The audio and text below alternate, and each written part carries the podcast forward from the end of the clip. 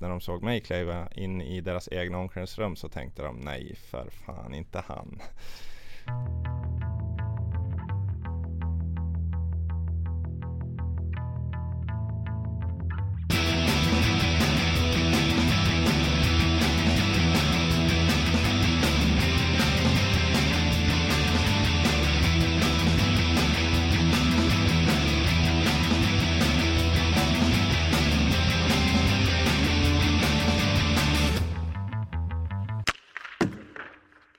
Hejsan och hjärtligt välkomna till ett nytt avsnitt av podcasten Mjölnbergs Trash Talk. I dagens avsnitt möter jag Elias Bjur, anfallaren som varit runt i ett gäng prominenta Hockeyettan-klubbar och gjort avtryck som en riktig profil. Ni vet, eh, luftgitarr på line-upen, måljubel på uppvärmningen, vassa citat i tidningsrubriker och allmänt uppoffrande sätt att spela hockey som stört både en och kanske tre motståndare. Det snackar vi givetvis väldigt mycket om men Också om att vara som bäst när man är arg och att mest göra fula mål, att våga bejaka en mörkare sida och att vara lite mätt på Hockeyettan, bland väldigt mycket annat.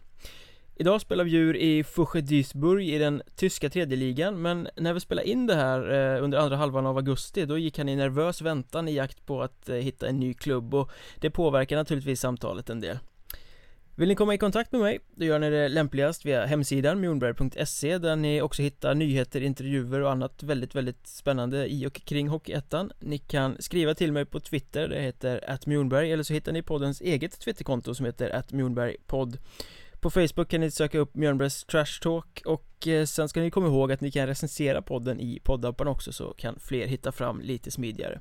Vore skitkul. Eh, men nog om sån här torr information. Nu släpper vi loss profilen som inte längre sätter färg på Hockeyettan men definitivt är saknad. Elias Bjur Trevlig lyssning. Idag sitter jag på Rosvalla i Nyköping Har precis eh, avnjutit en eh, smakfull raggmunk här i bowlinghallens eh, restaurang Lunchrestaurang Super Bowl tror jag stället vitsigt heter och har hittat en eh, Hockeyettan-profil som är hemma på lite gästspel kan man väl kanske säga, Elias Bjur. Tack, tack. Du är hemma i Nyköping och testar lite bara. Ja, eller hemma och hemma. Jag bodde här förut men jag är här och hälsar på gamla vänner och, och tränar med Gripen då. Och det här är ju faktiskt lite lustigt för att vi sitter här nu i slutet på augusti eh, och vet inte var du kommer spela vilket vi förmodligen kommer veta när eh, den här podden kommer ut men eh, än så länge är du kontraktslös och håller igång med Gripen. Ja precis. Nej, det är ju nervigt. Det, man är nervös varje dag och kollar telefonen hela tiden och hoppas att det ska dimpa in någonting här. Men det är inte riktigt eh, vant för dig att, eh, att det är så här? Nej, det är det inte. Jag tror jag, nej, jag har nog aldrig väntat så här länge. Det har jag inte. Man brukar ju göra klart där innan midsommar faktiskt. Så att eh, i år har det dragit ut väldigt långt. Vad är det som gör att det drar ut då? ja, antingen är man inte så attraktiv spelare att ha eller så Nej, jag vet inte. Jag måste skylla på någonting och nu Nu är det väl någon agents fel eller något sånt. Har du eh om du lägger handen på hjärtat, varit lite för kaxig tidigare under försäsongen och tackat nej till något som kanske hade kunnat vara intressant i det läget du sitter nu? Faktiskt inte. Det, det tycker jag inte att jag har gjort. Det, ehm, det har inte... Nej, det, det, har jag inte gjort utan jag, jag väntar fortfarande på det lag som jag ska spela för. Och det du jagar är i första hand kanske då någon form av kontrakt utomlands om jag har förstått saken rätt? Ja precis.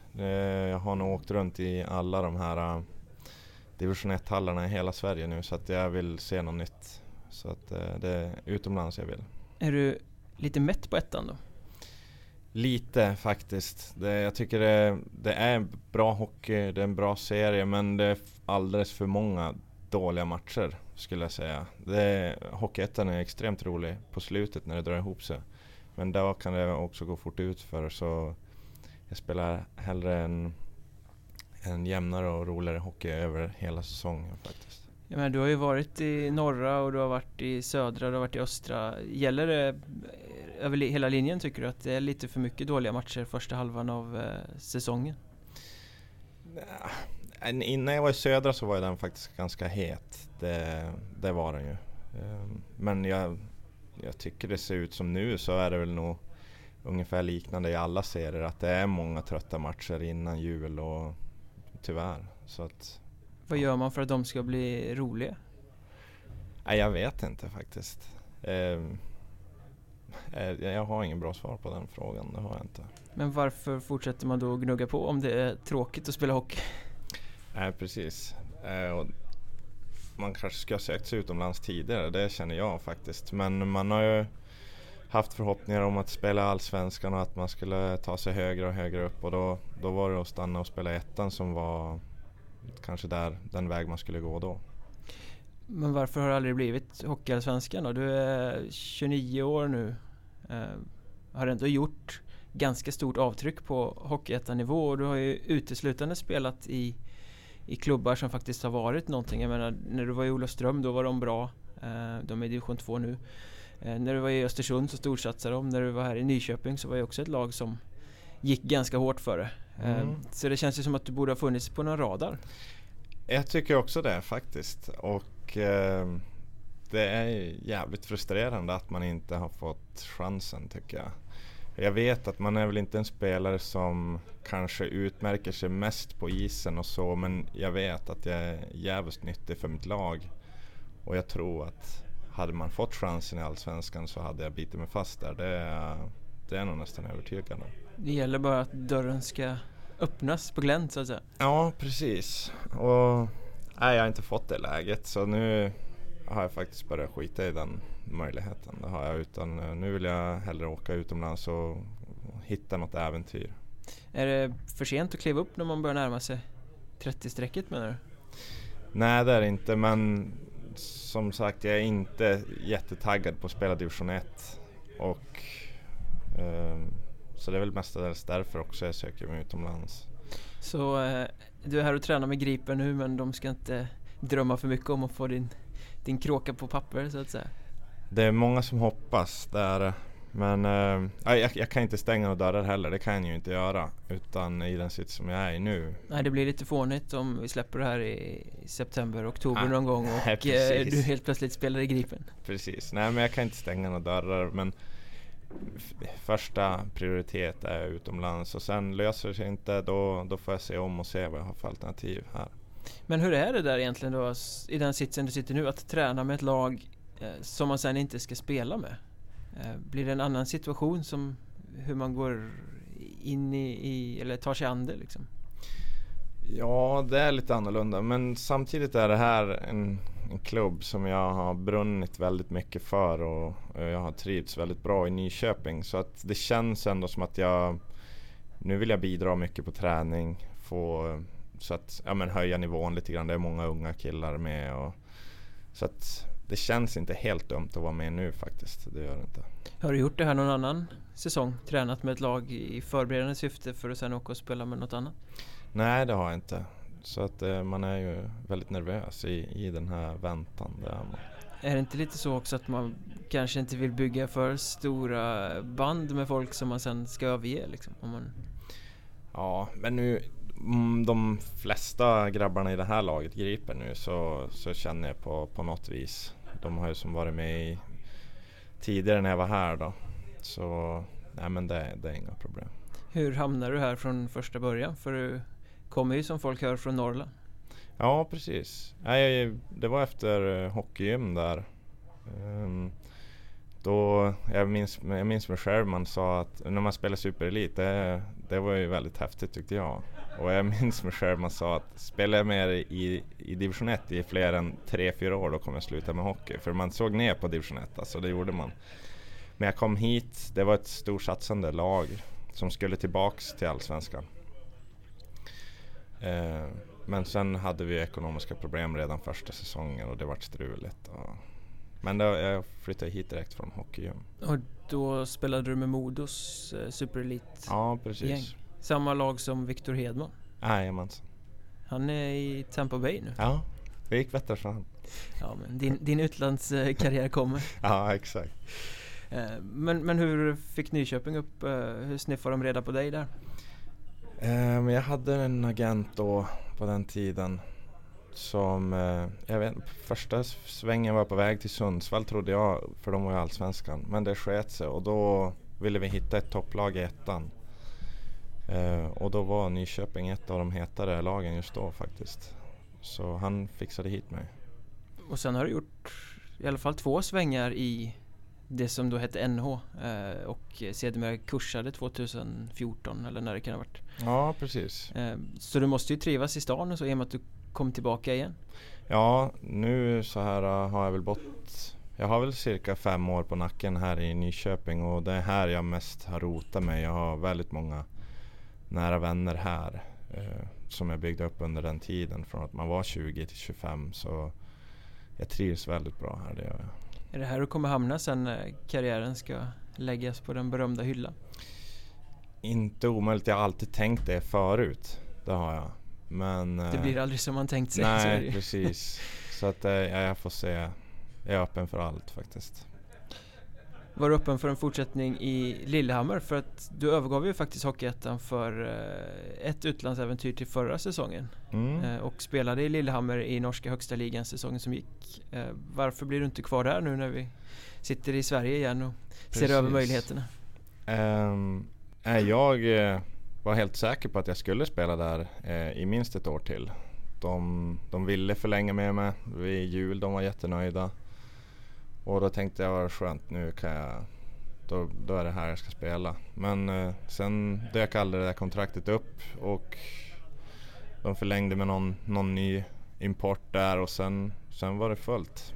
Ja, de har någon sån här importgräns. Ja, precis. Det är sju importer de får ha och eh, de eh, flesta importer av vi som var där då ville stanna också.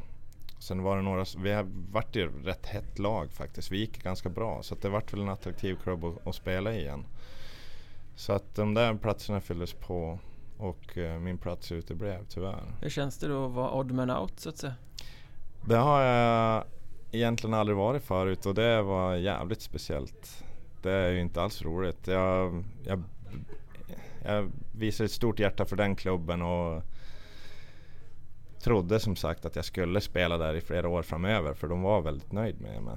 Ja, du hade liksom en dörr öppen för att, att stanna, liksom stanna på sikt också, inte bara någon säsong till? Nej, precis. För jag har skrivit ettårskontrakt i hela mitt liv och börjar bli lite trött på det. Så du har aldrig haft ett tvåårs? Nej, så att det är lite segt att man alltid ska packa ihop väskan efter en säsong och, och fundera. Så att jag var sugen att skriva något längre faktiskt. Det, var... Så det är kanske svårt i utlandet som importspelare? Jo, det är det. det, är det. Men eh, jag, jag, var ingen, jag var ingen dyr import så, så jag hade väl, och med tanke på att de var så pass nöjd som de var, eller som de sa i alla fall, så trodde jag att, att man skulle kunna behålla mig och sen kanske satsa hårdare på andra importer. Och jag hade kunnat kanske skaffat ett kneg på sidan av eller sådär. Men, du är inte arbetsskygg så att säga? Nej, jag tycker det är bra faktiskt att, att jobba lite. Man får bra rutiner och ja, det är en bättre vardag faktiskt. Stimulera hjärnan lite också mer än bara tv-spel? Ja, faktiskt. Hade du ungefär samma roll där som vi har varit eh, vana vid att se dig i olika Hockeyettan-klubbar? Ja, men det hade jag. Det hade jag i alla fall till en början. Sen eh, mot slutet kanske jag fick ta lite av en mer, mer av en skitroll. Eh, gnugga för laget. Och, men, fjärde kedja och, och var jobbig? Ja, lite, ja, tredje, fjärde och fick gnugga och vara lite jobbig. Men det kändes helt naturligt att göra det för ett för ett lag som var på väg in i ett slutspel och det känns, jag bryr mig inte lika mycket om poäng nu för tiden som man gjorde när man var yngre. Så det var ingenting jag brydde mig om egentligen utan man ville bara vinna matcher och gå långt. Har du varit en sån eh, andra assistjägare? Nej, det har jag nog aldrig varit. Det Men det är viktigt inte. med poäng? Tyvärr är ju det. Det märker man ju på de flesta klubbarna. De sitter och kollar en eh, Elite Prospect när de, när de letar spelare. Är inte det lite tragiskt att vi 2017 fortfarande lever i en tid när folk liksom bara tittar på statistik som egentligen inte säger någonting? Jo, precis. Jag, jag tycker det är helt bedrövligt. Det tycker jag. Och särskilt för en, en, spelare som mig. Visst, jag har väl vissa säsonger gjort ganska bra med poäng. Men eh, det är inte det som är min styrka egentligen. Utan nej, det är, det är tråkigt. Hur skiljer sig norska hockeyn gentemot det du är van vid från att ha gnuggat i lite olika klubbar i Sverige? Jag tyckte det var väldigt bra hockey faktiskt. Eh, högsta nivån där med Stavanger och Storhamar är faktiskt en bra klubb också. De hade, gick väl lite knackigt i år men de klubbarna är riktigt bra.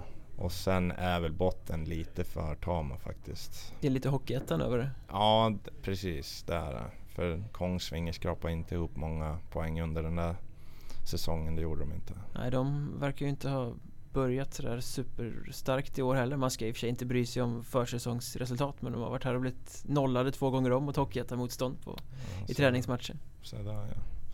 Nej, precis. Men eh, högsta nivån var, var väldigt hög tycker jag.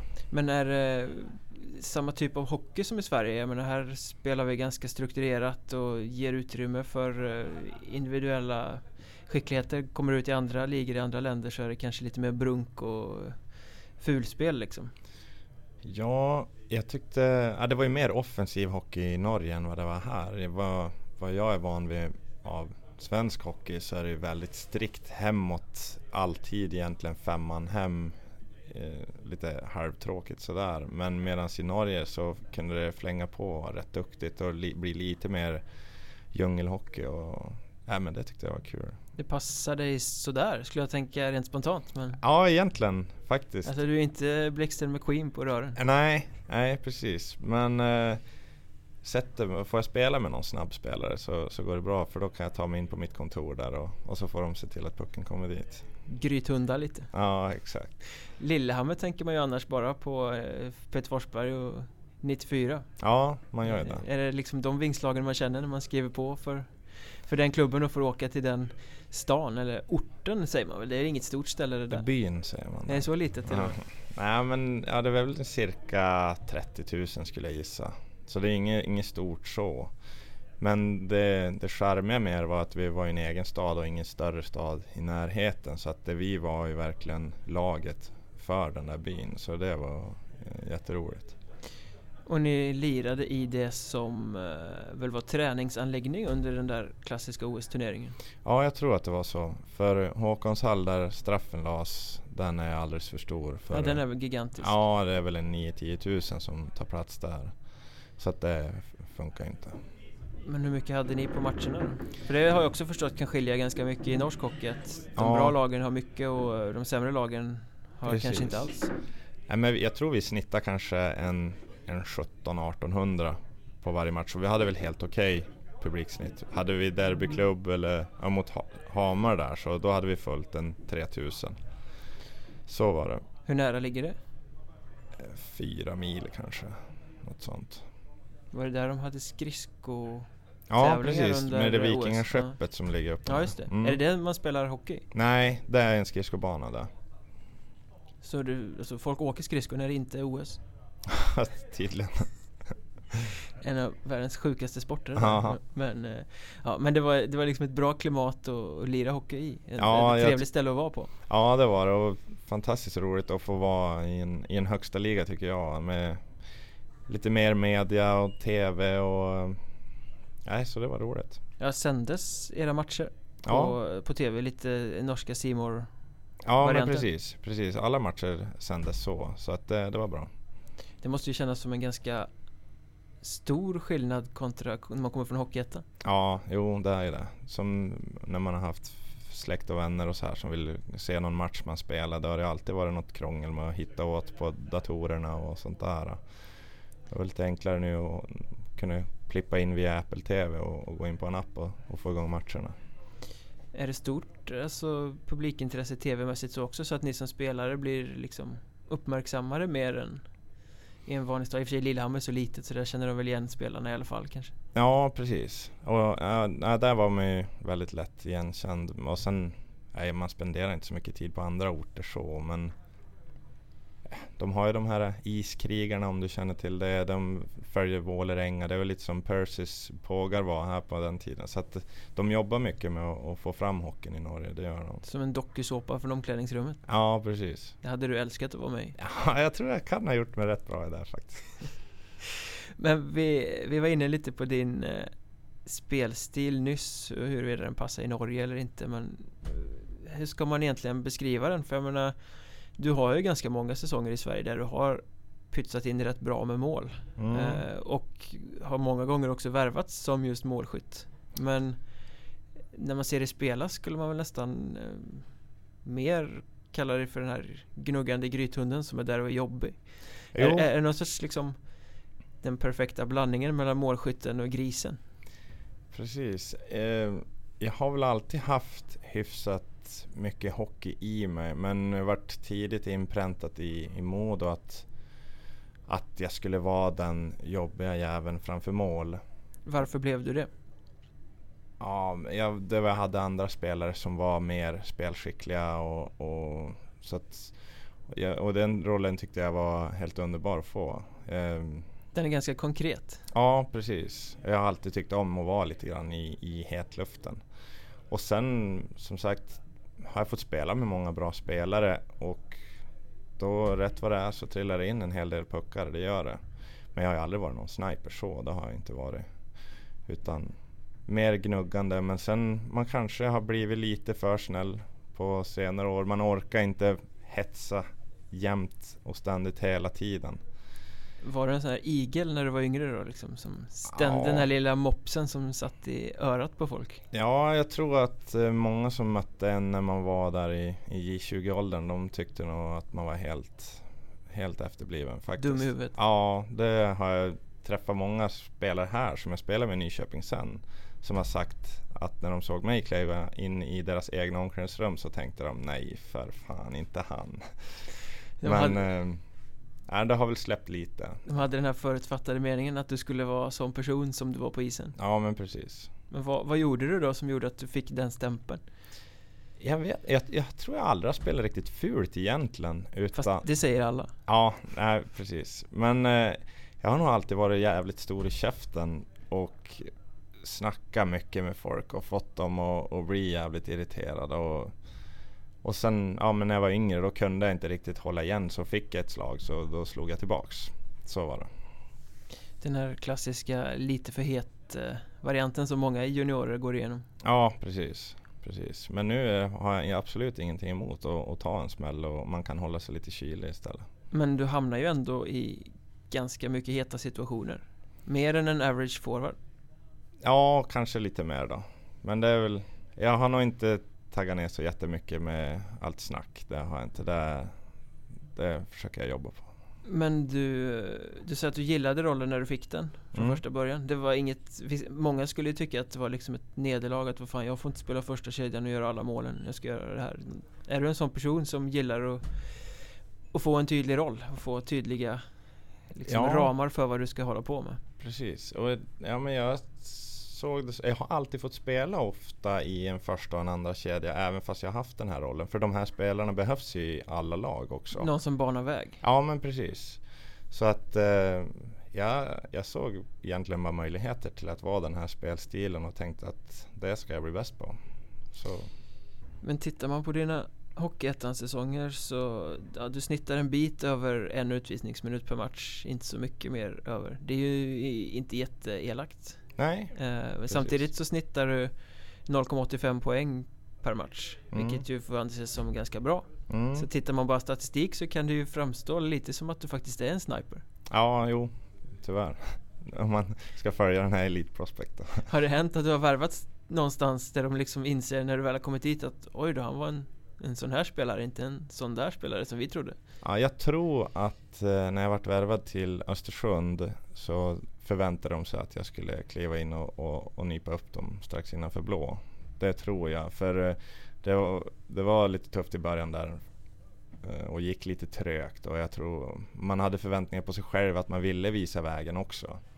Så första säsongen tyckte jag var lite halvknackig faktiskt. Ja, då kom du från en säsong i Nyköping där du hade hängt dit 21 kassar. Ja, men precis. Och det är inte 21 av de snyggaste målen liksom, utan det är ju mycket returer, styrningar och, och grismål som jag har gjort.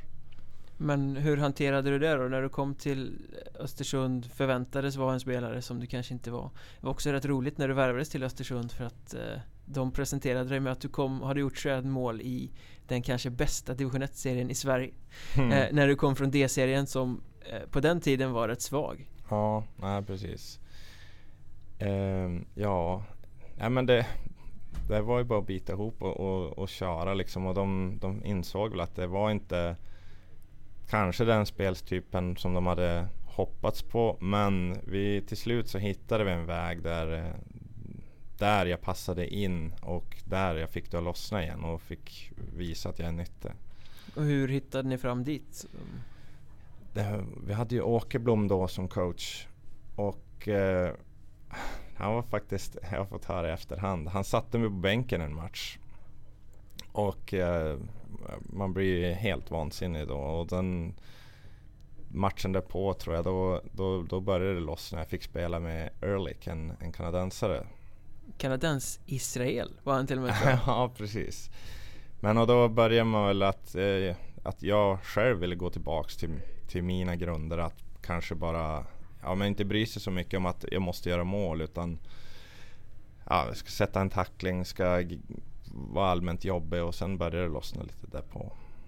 Men det blev aldrig en sån här mental eh, spärr liksom där du började tvivla på dig själv att Fan är jag inte bättre än, än så här? Nej, faktiskt inte utan i, i division 1 har jag ändå varit rätt trygg på att jag vet vad jag kan prestera och jag brukar Jag har inte gjort några större plumper under alla åren utan där är, känner jag mig på lite. Nej det är ju ganska stabilt ändå om man tittar på det här ja. CVt om vi ska, också ska ägna oss åt det här ja, elitprospekterandet. Eh, vilken är bästa säsongen egentligen? Ja, då kanske jag måste titta på statistiken igen. Och det var väl det här i, i Nyköping kanske. Ja, något, spelade... något, något år gjorde du typ 31 baljer. Ja, precis. Ja men då gick det ju bra. Jag spelade med väldigt bra folk också och det är ju alla spelare beroende av. Men jag spelade med Niklas Brams som hade en ruggigt stark säsong då också. Och Marcus Andersson. Brams också i Norge? Ja det är han, han är i Stjärnen. Då möttes ni säsongen som gick? Ja, det var kul. Kära återseenden. Ja, precis. Eh, men, men ehm, är det därför också Tror du som du har, ofta har spelat i de här lagen som är ganska bra för att du gör dig bättre när du har en bra omgivning? Eller det har liksom aldrig lockat dig att spela i ett lag där du åker omkring och förlorar hälften av matcherna? Och... Nej, alltså man vill ju vinna. Det är, så är det ju och jag har haft möjligheten att välja i division 1 då, att välja lag som vill gå långt och som satsar. Och då tycker då, ja, men då vill jag spela där för jag vill vinna matcher. Man vill ju uppnå någonting. Man vill väl vinna någon sorts titel innan man slutar med hockey. Det är ju det man strävar efter. Har du någon titel från junior eller någonstans? Nej, jag har någon guldmedalj från Glommersträsk med Storuman när vi var och spelade där när jag var liten. Men det är nog den. U12 eller P12? Ja, något sånt där. Så att det är ju väldigt tamt på mitt eh, troféskåp. Det här. Så att det skulle ju vara kul om man någon gång får, får lyckas med något. Då eh, har du rätt att vara lite bitter över att ha valt starka klubbar som har misslyckats. Ja, faktiskt. Men du nämnde också att de här målen som du har petat in kanske snarare är styrningar och eh, petar in returer och sånt än eh, glimrande slagskott uppe i, i klyka. Mm. Eh, läste på Twitter häromdagen att du har en highlights-video som eh, cirkulerar eh, i din jakt på klubb. Ja. Om du bara gör fula mål, hur sätter man ihop en sån? Exakt. Nej, det är inte, det är kanske inte den sexigaste highlight-videon där. Men, eh, nej, men det, det, jag blomstrar ju till ibland faktiskt. För man är inte, man är inte helt eh, borta faktiskt. Nej, du har inte cementhandleder? Nej, men det tycker jag inte. Visst, många skrattar väl åt den ibland och sådär. Men det, visst kan man blixtra till och göra något fräscht då och då. Men tillbaka till videon, hur, hur fick du ihop den? Ja, eh, nej men det, jag tror alla mål var inte så ful som, jag gjorde där i Norge i vintras. Dock var det inte alldeles så många. Men eh, ja, fick ihop eh, lite, lite mål och, och, repriser och så lite god musik bak i bara. Så, så kanske någon tycker att det är häftigt. Är det vanligt att man gör en sån där? Nej, jag tror inte det. Men det är de här agenterna nu när man ska försöka ta sig utomlands. De tjatar om, om att man ska ha highlight-videos och, och skicka så att de kan visa upp hur fan man ser ut. Och, så att då, då vart jag ju tvungen att göra det. Men förhoppningsvis så cirkulerar inte den här allmänt. Så att när du ritar på för något lag där nere i Frankrike eller alpligan eller vad det nu blir så kommer du bli liksom deras motsvarighet till videojuggarna? ja, det är inte omöjligt. Kommer man ihåg alla sina mål som, som man har gjort? Nej, jag har väldigt dåligt minne faktiskt. Men eh, från säsong till säsong så har man väl hyfsat färskt i alla fall, det har man.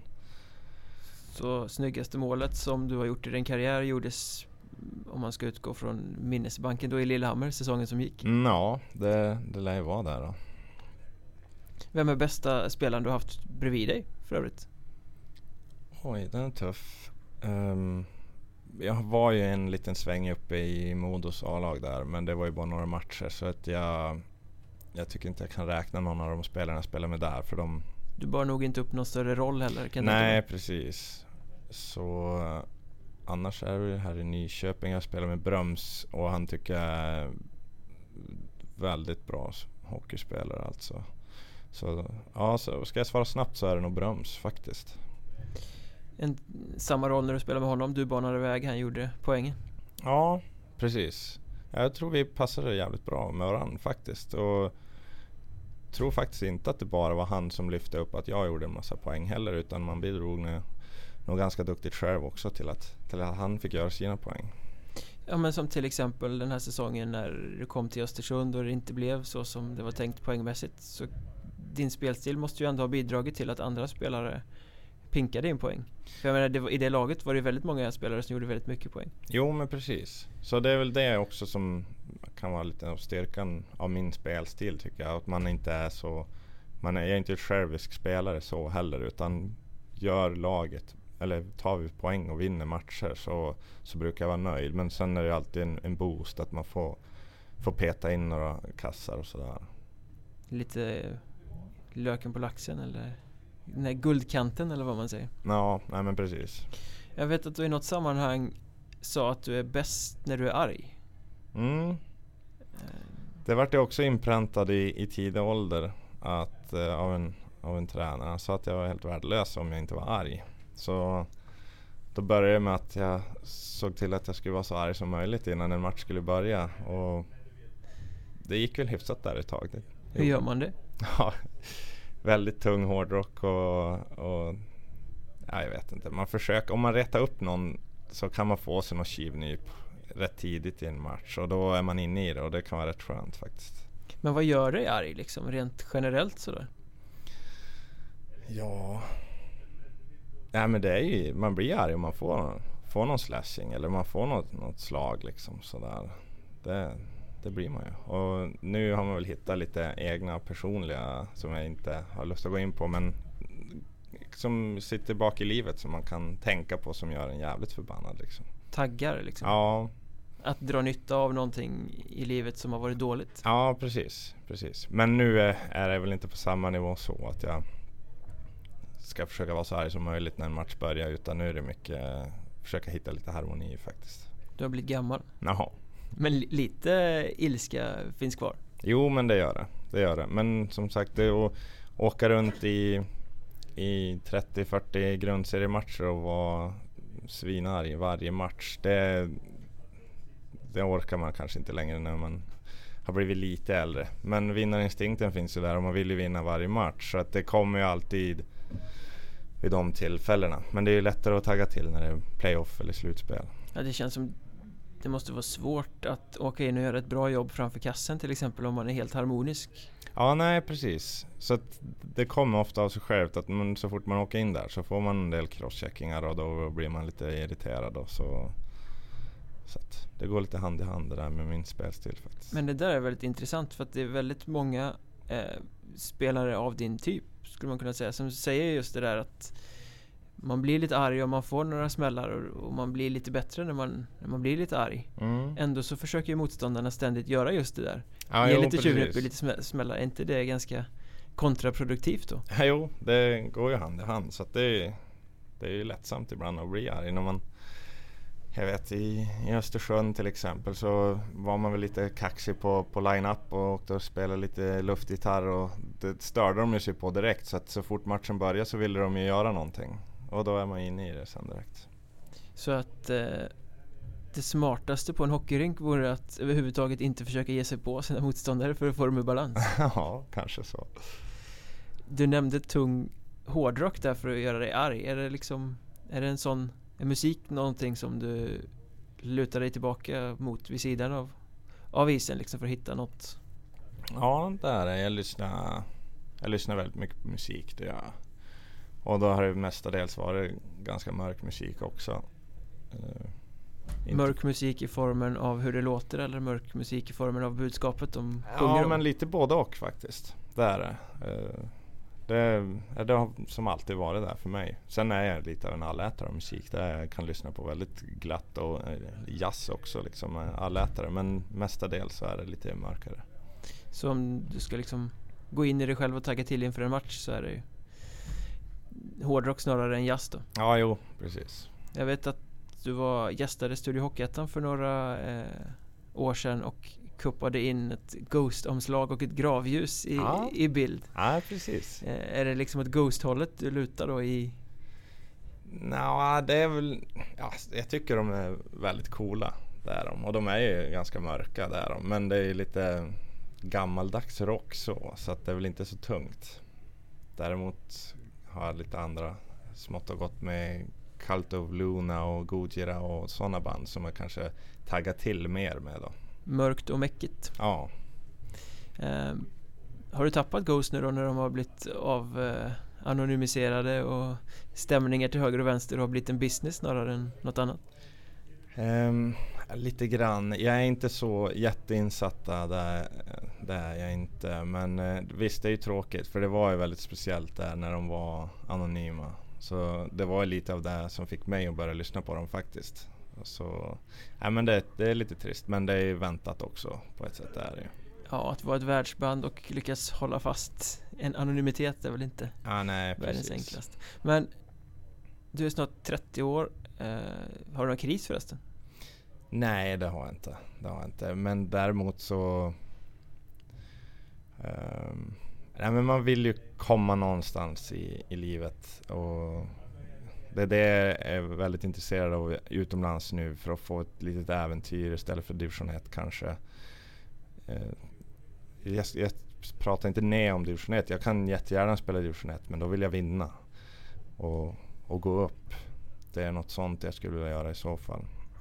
Får bli en 30-årspresent nästa år. Ja, men precis. Men i alla fall, du är snart 30 år, eh, vilket ju gör att du förmodligen betraktas som en gubbe i många omklädningsrum. Med tanke mm. på hur ung hockeyn blir. Eh, en 30-åring, snart 30-åring som kommer dragandes med Cult of Luna in bland en massa fjuniga kids som hellre lyssnar på techno. Det kan ju knappast vara så att du får bestämma musiken i omklädningsrummet. Nej, det är väldigt sällan faktiskt. Och det var Nej, det är ju helt bedrövligt det här med musikvalen i, i omklädningsrum. Det är det. Men i, i vissa omklädningsrum har man ju haft lite, lite pondus och då har de inte fått haft något val att bestämma faktiskt. Då måste vi få höra, var var det du bestämde? Ja. Här i Nyköping fick jag spela en del musik, det fick jag. Men äh, ja, Östersund, där, där togs det över, började med den här technon alltså. Och i, i Lillehammer där stängde de av musik, min musik direkt faktiskt. Ja, du gjorde försök i alla fall? Ja, men jag försöker alltid. Vissa, vissa nappar. Men Cult of Luna, deras låtar är ju 10 minuter långa och de kommer till refrängen efter 6-7. Ja, Vänta lite, det är bra att börja snart. Ja, Hur säljer man in det? ja, det är det. Ja, det är svårt. Det är lättare på en, eh, på en eh, bilresa upp till Norrland då kanske. Fast man kör inte direkt snabbt till Kallt och Luna. Ja, nej, det gör man inte. Men eh, man har inte så bråttom när man, ska, när man har 90 mil att köra härifrån upp till Storuman. När du spelar i Östersund måste du ju ha eh, bränt x antal eh, varv med plattorna på alla de där bussresorna som, som Norrlandsserien bjuder på. Ja, precis. Ja, man hinner med en hel del på de där bussresorna faktiskt. Men lyssnar du på musik då eller vad gör du? Ja, det blir en del musik och sen på senare år har jag faktiskt börjat läsa en del. Lite böcker och försökt att plugga någon sväng också. Så försöka göra något nyttigt av den tid som man faktiskt har. Läsa böcker. Ja. Det brukar inte hockeyspelare eh, säga. Nej, precis. Men det är ett intresse jag har fått upp faktiskt. Att läsa lite. Eh, man känner att det är nyttigt för alltså, ja, men allmänt sitt språk utvecklas ju bara av att läsa mycket och så jag tycker det är kul. Någon speciell genre? Det har varit mest deckare och eh, vi började med att läsa lite ja, The Dirt, de här rockbandernas eh, biografier och, och lite sånt. Edgar Allan Poe klev jag över till sen för jag gillar mycket med skräckfilm och grejer. Det hänger ju ihop lite med mörk musik också. Ja, jo, det precis. finns en koppling där. Ja, Är du intresserad av sånt i, i största allmänhet också? Alltså den mörka sidan? Um, så i, i rent uh, filosofiskt eller teoretiskt syfte att du gillar att liksom läsa om sånt och lära dig om sånt? ja, Jag menar inte att du är någon satansdyrkare Nej, som nej, praktiserar och precis. hänger uh, höns men nej. Um, ja men det är mestadels, får jag välja en film så är den ju väldigt invecklad, mörk. Jag tycker det är mer spännande så, det tycker jag. Men det, det svänger också i olika perioder av, av livet, var, vad man tittar på, lyssnar på och läser. Och lite hur man känner för att må. eh, kan du känna för att må dåligt? Ja men det, det kan man känna ibland, faktiskt. Och det tror jag de flesta kan känna också. Hur då menar du att, eh, att man vill må dåligt? Eller att Nej man, men inte att man vill må dåligt men det kanske kan vara skönt att, att grotta ner sig lite grann och sitta och fundera för sig själv och att det inte är en, en dans på rosor hela tiden. För alltså jag själv har nog varit alltid en väldigt glad person. Det låter inte så nu när jag sitter och pratar om allt det här men He- Hela din image är ju ganska glad om man tänker ja på dig runt precis. Glad och sprallig och då kan det vara skönt att få vara för sig själv ibland och, och grotta ner sig lite grann. Och då pratar vi liksom egentligen att anamma en mörk att, att våga vara lite introvert och, och, Ja, och mörk snarare än att det är en depression eller någonting. Ja, nej, och precis. Och sen, sen kanske inte vara helt introvert utan ja, men att allmänt prata med nära och kära hur man mår också. Och det hänger ihop på många sätt. Hur, allt med hockeyn, hur man spelar och mår och behandlas. Det kan vara nyttigt att prata allmänt med alla möjliga människor bara för att uttrycka sig själv där. Våga vara naken. Ja, precis. Allt är inte alltid guld och gröna skogar och jag gjorde hattrick och Nej. spelar precis det jag vill utan att man, Nej men precis. man kan vara lite Lite missnöjd och lite trasig också. Ja. Men eh, när du lyssnar på musik och, och sådär Går du in i vad de sjunger om och så också? Alltså om du läser Ed- Edgar Allan Poe så kan man ju tänka sig att du läser texter också. Ja. Um, inte, inte särskilt mycket att jag går in på, på musiktexterna så. För eh, många av de här eh, brand, brand, banden som jag lyssnar på, de growlar ju rätt hårt. Och det kan vara, det kan vara rätt svårt att, att höra vad de sjunger faktiskt. Men eh, Oftast blir det bättre om man inte hör vad de sjunger. Ja, för att det kan bli lite, ja. det kan vara väldigt krångligt. Och, men eh, ja, det är mest soundet jag är, är ute efter när jag lyssnar där. Jag älskar annars den här eh, pranket som Cult of Luna gjorde för några år sedan när de påstod att eh, en hel skiva eh, hade inspirerats av en dagbok som de hittade i sin replokal som var på ett gammalt mentalsjukhus. Jaha. Där det var någon gammal patient som eh, som hade skrivit ner sina tankar som de sen byggde albumet på och berättade om det i varje intervju. Och all musikpress köpte det och sen kom det fram några år senare att det där var bara något de hade hittat på själva. Okej, nej, det där har jag missat. Men det var ju lite läckert ändå. Och Det- att alla gick på det. Det känns som något som du skulle kunna göra också. På något sätt om man rent spontant får dra den kopplingen. Ja. ja, jag ska, jag får fundera på någonting. Så ni behöver inte tro ett ord av vad Elias Bjur säger i den här intervjun. nej, exakt. Men du nämnde det nyss, du spelade lite luftgitarr på någon uppvärmning. Du har ganska många säsonger åkt runt och gjort målgester till höger och vänster. Mm. Eh, när du var i Östersund gjorde du en julkalender. Mm. Varit ganska i ropet med att sticka ut från mängden och inte vara den här vanliga eh, vanliga tråkiga hockeyspelaren som drar vanliga klyschor. Eh, ser du dig själv som en profil? Ja, det låter ju väldigt kaxigt att säga att man gör det. Men faktiskt så, så tycker jag det.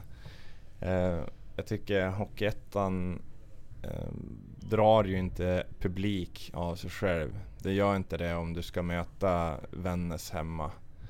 Eller om du ska möta något annat tråkigt lag liksom. Utan du måste bjuda upp, bjuda till lite grann med allt möjligt med spelarna. Försöka få någon connection till, till stan där du spelar ju. Att de blir lite mer intresserade än bara just den matchen. Så det är väl det jag har försökt göra. Och jag är inte blyg att göra bort mig och, och då har jag gärna kanske stått ut lite grann i, i rampljuset och, och försökt locka. Tycker du att hockeyn överhuvudtaget är ganska tråkig på det sättet att menar, du kan inte se en simor sändning utan att alla svarar exakt samma sak på alla frågor? Nej precis, alltså jag tycker det är helt bedrövligt egentligen. De, Eh, alla intervjuer och sådär. Det är helt underbart att se Per Ledin eller någon sån där till exempel som på känslor bara vrålar vad han tycker och tänker.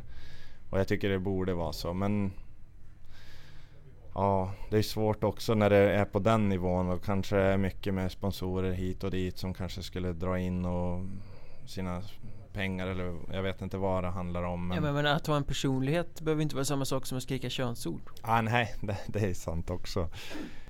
Men det är väl mycket också upp till eh, de som intervjuar. Alltså, det är ju samma frågor också hela tiden. Det är det ju.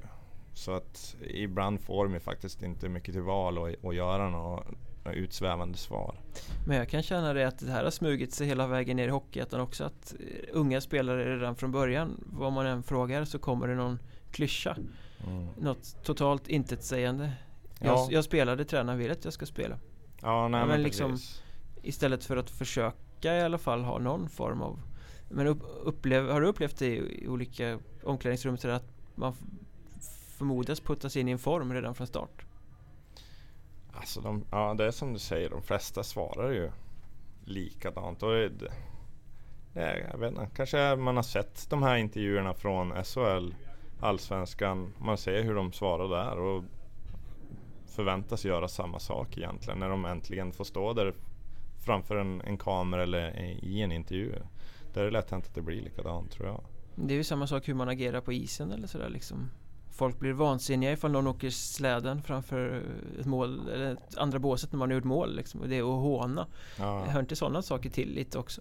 Jo, jag tycker det definitivt. Och försöker. Det är tyvärr att man inte, inte gör mycket mål hela tiden då. För då hade man kunnat röra om lite mer i grytan.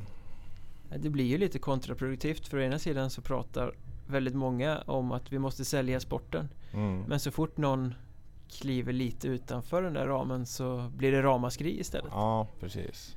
Och det är väl skönt då med, med division 1 på ett sätt tycker jag. Med, man kanske har betett sig olämpligt ett visst antal gånger och då har man ju faktiskt inte fått någon skit för det. Utan det, väl inte, det har inte snappats upp på någon kamera eller något sånt. så att i division 1 har vi en väldigt stort utrymme egentligen för att, för att kunna bjuda till tycker jag. Men då tycker du att fler borde ta det utrymmet? Ja, det tycker jag. Jag, jag, jag upplever det som att det är uppskattat. Eh, så att eh, fler borde göra det, det tycker jag definitivt. Men då måste ju du ha älskat eh, Petter Nilsson i, i Luleå där när han ja, rasade? Ja, vi satt och pratade om den här intervjun häromdagen faktiskt. Och jag minns inte ordagrant vad han sa men jag tycker det är helt underbart hur han ut, alltså hans känslor för sporten och sitt lag. Det är ju underbart. Där. Sen kanske det var lite fel ordval. Man behöver inte säga att man skulle kunna mörda någon. Fast å andra Nej, sidan precis. så sa han inte att han skulle mörda någon specifik person. Nej, att, eh, precis. Alla människor vid sunda vätskor fattar väl att ja. Att det var ett bildligt sätt att tala. Precis. Att sätta ord på sin ilska. Och hur eh, Men Foppas gamla att han ska dra på börja en smäll. Det har ju blivit en, en klassiker liksom. Och egentligen är det något i stil med, med den här intervjun också. Det är ju faktiskt värre för det är en eh, ja, utpekad precis, person som precis. ska råka ut för våldet. Mm. Nej, nej. nej men just det där att öppna sig och släppa fram känslorna är ju kan jag tycka var A och O på något sätt. Ja. För sporten. För det är, ja. ju, det är ju en adrenalinfylld passionerad sport. Ja men precis. Det är det. Men när kände du att du började liksom ta det här utrymmet? Som, när började det krypa fram? Har det varit från dag ett eller liksom?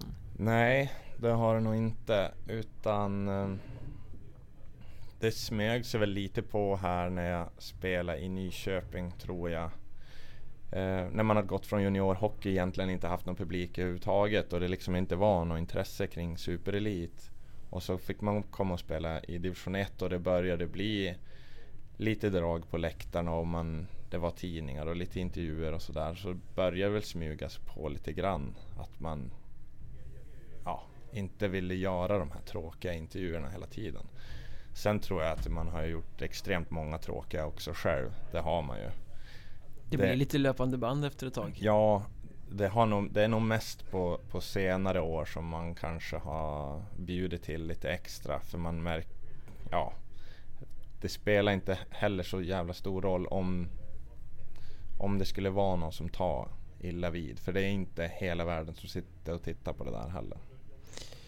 Du sa att du inte har fastnat på någon kamera Eh, sådär, men för några säsonger sedan fastnade du ju faktiskt på kamera i Borlänge uppvärmning inför en allettan-match när du åkte och jublade efter målen du gjorde på eh, uppvärmningen. Ja. Det var en liten speciell eh, episod. Vad, vad, liksom, vad hände i huvudet där? För det är ju det är en sån sak man inte får göra om man ska följa hockeyns ABC. Ja, precis. Men det är faktiskt någonting jag har gjort eh, i, i några år. Och jubla på uppvärmningen. Jag åker alltid och jublar när jag gör mål på träning också och jag har väl alltid kommit i luven med, med målvakter i alla mina lag. Eh, sen är vi väl goda vänner ändå men på isen så har det varit mycket bråk med just målvakterna. De gillar inte när man jublar? Nej, de tycker inte om det. Eh, men för mig handlar det om att, att hitta en god känsla. Sätter jag pucken då ska det fan jublas. Och även om det är på uppvärmningen så jag skjuter inte ett skott i hans handske för jag vill att han ska bli varm utan ska han ta min puck så får han jobba för det. Och jag vet den där matchen särskilt och jag tror det var en ganska viktig match. Det var en väldigt viktig match. Det var, skulle väl avgöra första platsen egentligen där? Ja precis och jag vet att jag var skadad så jag skulle egentligen inte spela utan jag var med för att spela lite powerplay. Så jag tänkte att man ja, någon kan väl störa sig på det där eller, eller så hittar jag en god känsla att får jag pucken idag så, så blir det mål eller något sånt där. Blev det mål i den matchen? Nej, jag tror jag brände. Jag hade faktiskt ett läge, men jag tror jag brände.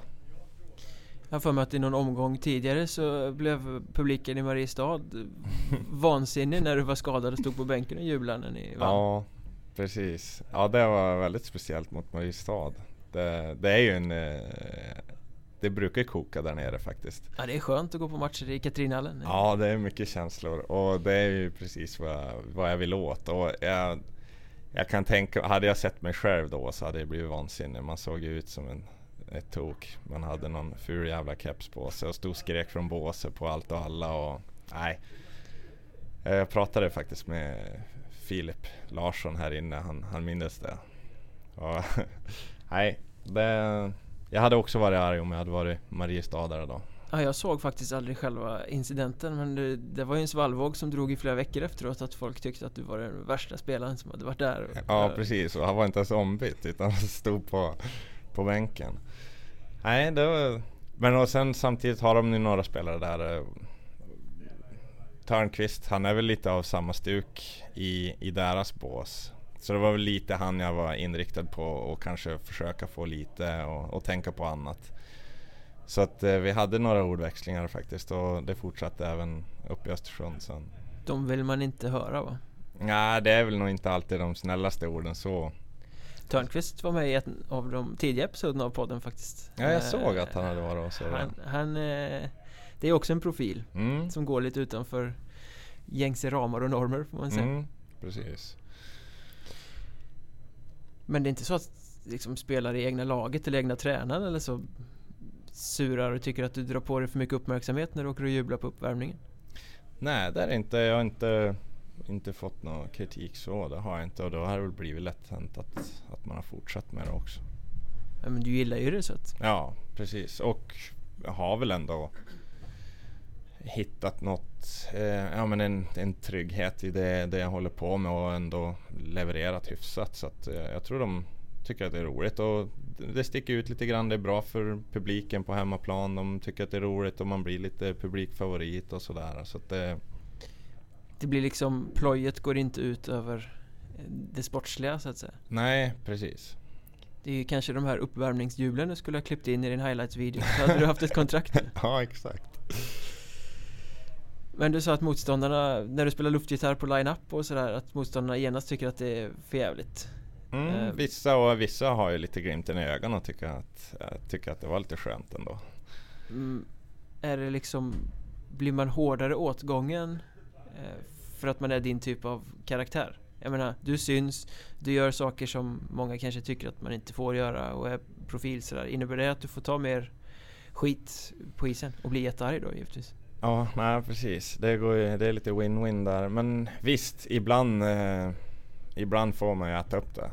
Att man kanske har en jävligt dålig dag och det går inte så bra. Då får man ju höra någonting. Men eh, det har man ju lärt sig att skaka av sig faktiskt.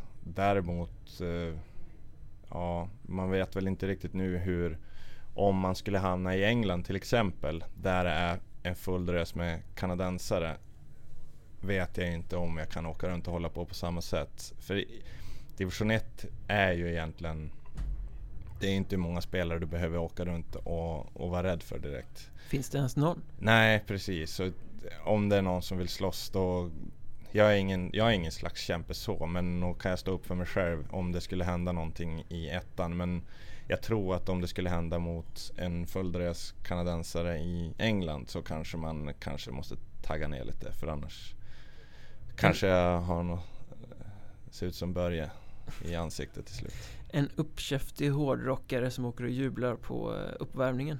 Ja, Känns precis. som det kan bli en svans av gamla avdankade AHL-fighters Ja, nej men precis. För de kanadensare man har spelat med i åren de, eh, de tycker att Alltså de tycker det är roligt men de säger det att hade det här varit hemma i Kanada hade du blivit ihjälslagen nere på, redan på uppvärmningen. Och det är väl inte riktigt det man vill åt, att man ska åka runt och slåss hela tiden. Men i division 1 så, så funkar det. Har det hänt någon gång att du har hamnat i slagsmål? Alltså av den typen av anledningar? Nej, det har inte gjort det. Så att um, då fortsätter jag väl. På någonstans kanske folk ändå i majoritet tycker att det är rätt skönt? Jag tror att en del tycker det är skönt. Sen uh, är det väl uh, motståndarnas egna av min uh, spelartyp tycker nog att det är jävligt muppigt. Men när du var i Olofström där i, för ett bra gäng år sedan, höll du på med liknande då? Nej, inte på uppvärmningen, det, tror jag inte. Eh, men målgester har jag alltid tyckt har varit kul. Så det har jag alltid försökt göra.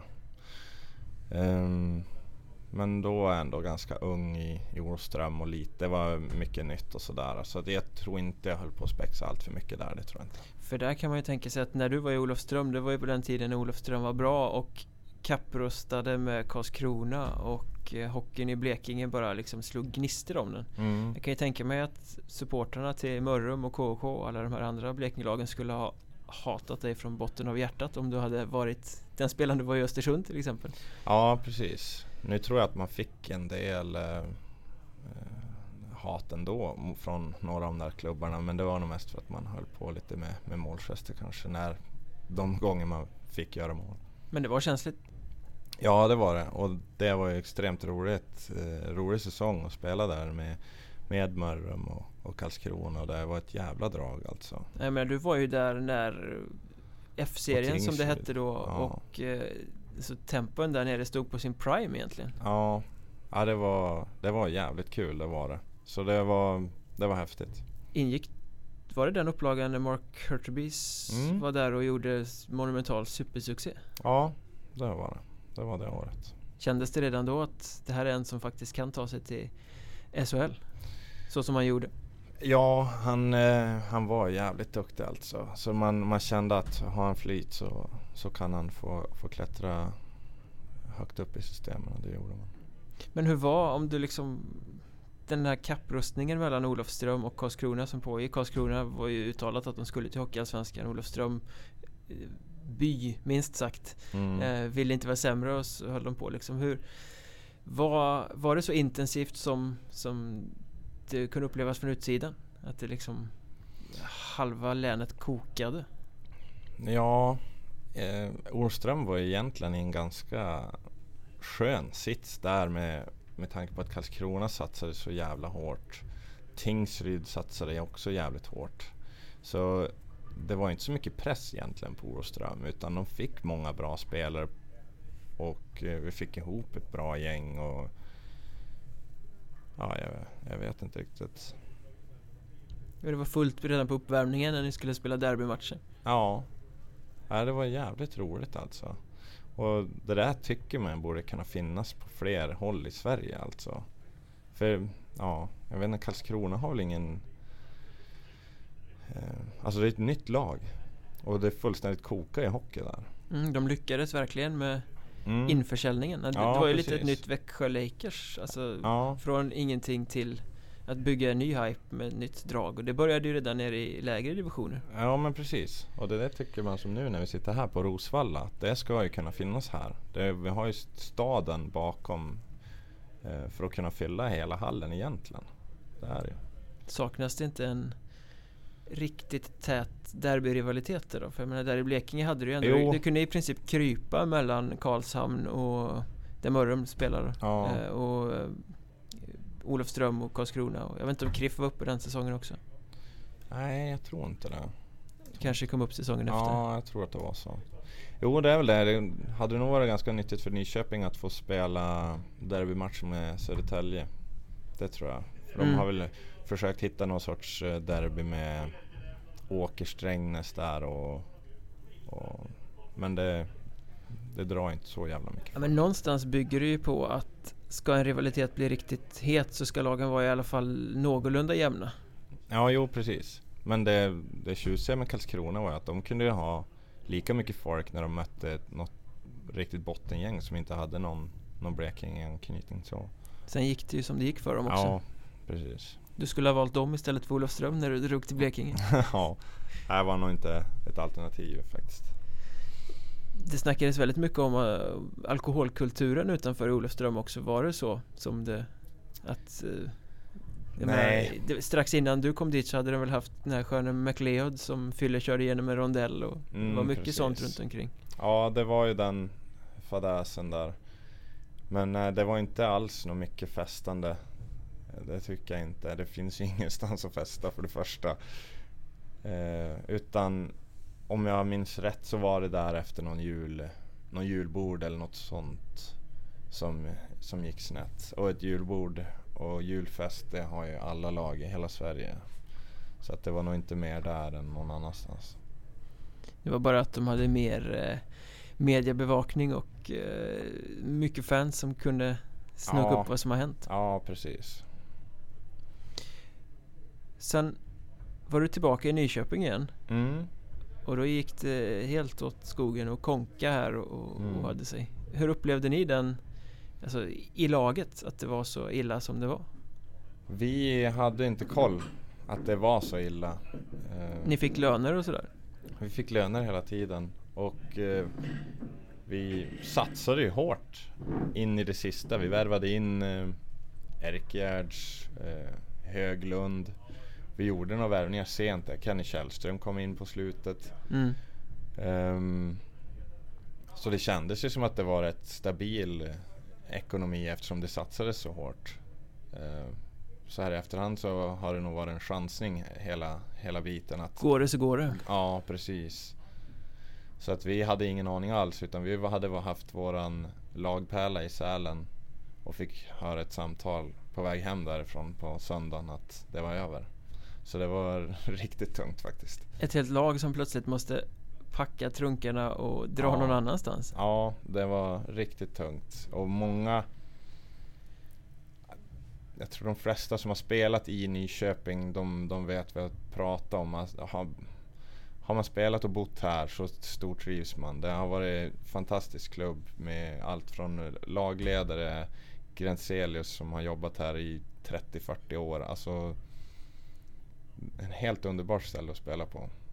Och staden är ju väldigt vacker också och ligger nära till Stockholm. Ligger bra till. Och, Snopet. med andra ja, det vart, det vart jävligt tomt och det var ju några eldsjälar som stannade kvar och, och spelade i fyran då men jag kände att jag, jag brinner lite för mycket för hockeyn så, så att jag ville dra iväg och, och fortsätta spela på lite högre nivå. Och hamnade då i Östersund. Mm.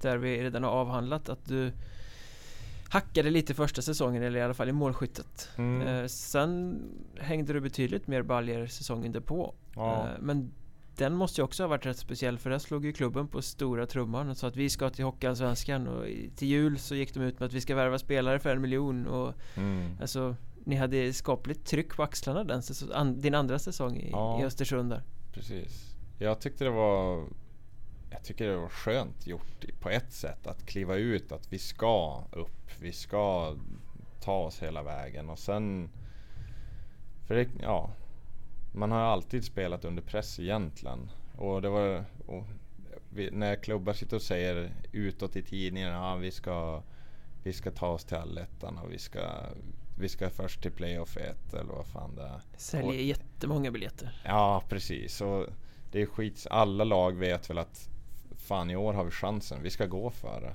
Då, är- då är det ingen hymla om egentligen tycker jag. Visst, det blir extra press. Alla vill slå oss lite, lite mer. Men eh, nej. Det, det jag tycker det var rätt. Det var det. Sen kanske inte det kanske är lite väl kaxigt att göra det när man inte har gått till en kvalserie innan ens. Eller gått till ens playoff 3. Men hade ni täckning i truppen för att göra det? Jag tycker mitt sista år hade vi ett extremt bra lag. Eh, men vi hade ruggig oflyt med alla skador. Jag vet inte. På slutet, vi åkte ut mot Kristianstad. Men jag tror vi hade säkert nästan 10 spelare skadade. Och stod ändå upp rätt duktigt mot Kristianstad då i, i playoff 2. Blev stan arg eller besviken när det inte blev Allsvenskan trots den så ganska offensivt uttalade målsättningen? Jag tror att vissa uh, har haft lite överseende med att det varit just så mycket skador. Det är inte så jättemycket man kan påverka. Däremot vet jag inte hur det ser ut på, på sponsorintäkterna. Hur det, hur det känns att jobba in nya sponsorer för året därpå och sitta och säga samma saker eller... Ja, De, de behövde ju inte betala din lön i och med att du drog vidare. ja nej precis. Men det måste ju också känts lite som att luften gick ur där. Alltså mot Kristianstad. När ni skulle till Allsvenskan skapligt nära trots motgångar men sen liksom bara Ja, jo precis. Och det är väl division 1 i ett nötskal tycker jag. Det är många bra division 1-lag, har alltid funnits det. Och man spelar många tråkiga matcher, sen kommer det fram till ett playoff och så får du ställas mot vassa lag och sen är det på tre matcher är det slut det roliga tar slut när det börjar. Ja, precis. Och det är jävligt tråkigt alltså. Så egentligen så borde man bygga om hela serien så att man kan få de bra matcherna hela vägen på något sätt. Ja, kanske. Göra... Men det, det är det där med allt resande. Men jag menar norra serien, det, det är ju 80 mil mellan, mellan Östersund och Kiruna liksom. Varför banta ner den här södra också så att det blir mer vassa lag och jag vet inte. Bort, bort med hälften av lagen. Ja, Alltså, det finns ju utrymme för det. ja, egentligen. Men att, att det blev som det blev där, att det tog tvärstopp för Östersund supersatsningssäsongen om man får kalla det så. Mm. Var det en bidragande orsak till att du valde att lämna och söka äventyret i, i Norge istället? Jag har varit på gång eller varit sugen på Norge i flera år faktiskt. Jag trodde jag skulle dit när Nyköping lades ner. Men ske- varför hamnade du inte där då? Nej, jag vet inte vad som hände där. Det var, det var ett lag som ville ha både mig och Bröms. Sen var det ett lag som ville bara ha Bröms. Och han gick till det andra laget. Och då vart det väl inte lika intressant att bara ha mig. Så då sket det sig. Eh, så då hamnade jag i Östersund. Men sen fick jag ju läge då att, eh, att dra efter den där plumpsäsongen i Östersund. Och då var det inget att tveka om tyckte jag. Nej, det var behövd, alltså Höll du på att tappa lite känslan för det, lite taggningen för det med tanke på alla dåliga matcher i grundserien och sådär? Behövdes Norge för att få tillbaka extra sug? Um, nej. Alltså, ja, det låter som att jag pratar väldigt negativt om, om division 1 och sådär. Men jag är faktiskt en, en riktig hockeynörd. Jag är ju snart 29 år gammal och Men jag, jag brinner extremt mycket för hockeyn. Men jag, jag vill vinna. Och visst, Lillehammer när jag gick till dem, det var inte så att de hade ambitionerna till att vinna norska guldet. Men man visste ju att chansen finns ju ändå. Att, att få spela ett riktigt slutspel för det första och spela en bäst av sju. Det tyckte jag lockade väldigt mycket istället för att fortsätta och åka buss upp i Norrland. Det kändes som att jag hade lite för många mil i ryggen för att göra det. Du hade gjort den grejen? Ja. Så med andra ord är det inte så aktuellt att flytta tillbaka till norra serien? Inte i dagsläget. Sen... Eh, eh, jag skulle definitivt kunna göra det. det. Man kommer in i det där med att åka buss också. Det är en skön jargong i, i laget när man sitter och man är inställd på det. Så det går bra. Men helst av allt vill jag ha ett äventyr eller vinna och gå upp. Och är den bästa av världar både och? Ja, precis. Men en hockeynörd säger du, sitter du och glor på hockey när du är ledig och sånt? Också analysera spelsystem och... Inte riktigt på, på den nivån men eh, man vet, man har ju spelat med många spelare som har varit duktiga men de, de brinner inte för hockey. Så är det ju alltid. Det finns många som har haft talangen men ja, de spelar för att de vet inte vad de ska göra annars. Men eh, jag, jag har nog aldrig tyckt det har varit tråkigt med hockey så egentligen. Visst, det är inte sexiga matcher att spela ibland. Men jag har alltid sett fram emot ändå all, all sorts hockey och har aldrig gjort något annat. Så jag har nog aldrig klankat ner på själva sporten så. Men de här som spelar för att de egentligen inte vet något annat eller för att ja, man ska skaffa en ny klubb till nästa säsong. Det är så det funkar. De måste ju finnas i alla omklädningsrum. ja, hamnat, det gör liksom. ju det. Och I ettan alltså, för kommer du upp på SHL då är det ju ett jobb på ett annat sätt. Precis. Och eh, tyvärr så ser man det i alla omklädningsrum och man ser det ofta hos unga spelare tycker jag. Ehm, de flesta i ens egna ålder har ju, de som spelar då, de, de har väl ett, någon sorts brinnande intresse. Men eh, tyvärr ser man det alldeles för mycket hos unga spelare som är, jag vet inte, som bara är där. Och som skulle kunna bli så jävla mycket bättre om, om de brann lite extra för det. Brann du lite extra så när du var junior? Ja, det har jag nog alltid gjort. Det har jag. Sen har man väl insett nu att det, det handlar ändå inte heller om att vem som spenderar mest tid i gymmet eller vem som tränar hårdast. Utan ja, du ska ha rätt möjligheter på, ja, men genom tränare och få möjligheter så. Och de ska man ju förtjäna också i och för sig. Men ja. Det är en hel vetenskap ja, kan man det, säga. Är. det är lätt att tappa sugen längs vägen tror jag. Om man ja, liksom inte får rätt förutsättningar. Ja, det är ju det. Men det är tyvärr för många som ändå gör det halvhjärtat. Fan, när man är, jag tycker att när man ändå är där, då, då gör man det 100% annars då kan man fan skita i det alltså. Men tror du inte att det är rätt viktigt att om man ska kunna göra det helhjärtat så måste man också ha någonting annat vid sidan av?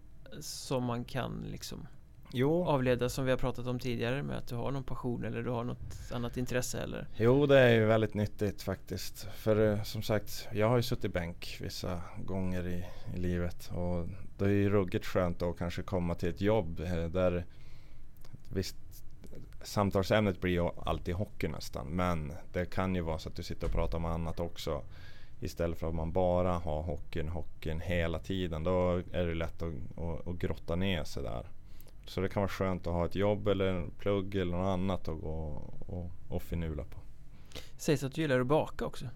Ja, fått upp eh, ögonen lite grann för det. Är det en sån grej du kan falla tillbaka på vid sidan av hockeyn? Nej, det är det nog inte. Men Ska inte bli bagare på ålderns höst alltså? Nej, men man, jag stänger inga dörrar. Det gör jag inte. Nej, men jag har en brorsa som är väldigt duktig i köket. Som eh, nu på senare år har fått upp ögonen för det och, och, kan få lite tips och tricks av han. Så. Snackar vi bullar eller limper eller konditorgrejer? Liksom? Ja, det är mest bullar för det är jag jävligt förtjust i själv. Så, men eh, jag jag försöker att göra lite olika varianter av kakor och grejer också. Sen i matlagningen så är det mest hamburgare jag har en, en liten förkärlek för. Gillar du bullar så skulle du haft med en påse till Filip Törnqvist, han gillar bullar. alltså, ja, kan jag tänka mig att han gör. Men förväntas du komma med bullaster till omklädningsrummet i, i lag och så också? Nej, det har nog, nej det gör det nog inte. Kommer bli så efter det här då? Alltså, ja kanske. Men, eh, nej, men jag vill alltid ha bullar redo hemma i alla fall. Så att eh, det ska nog inte vara omöjligt att om man svänger förbi mig när jag, när jag har ett hem, att man kan få bullar. Ja, bullar är också ganska liksom, det går åt så att du klarar att flytta en gång om året utan att behöva Ja. röra med dig. Även om du har frysen full så är det bara att käka upp. Ja. Väljer du bullar över raggmunk? Oj, den var svår. Men ja det gör jag nog. Men raggmunkar är ju fantastiskt alltså. Ja, vad Väldigt fint. Ja. Eh, lika fint som det här samtalet tycker jag. Det var eh, väldigt kul att du ville vara med. Mm, det var väldigt trevligt att vara med.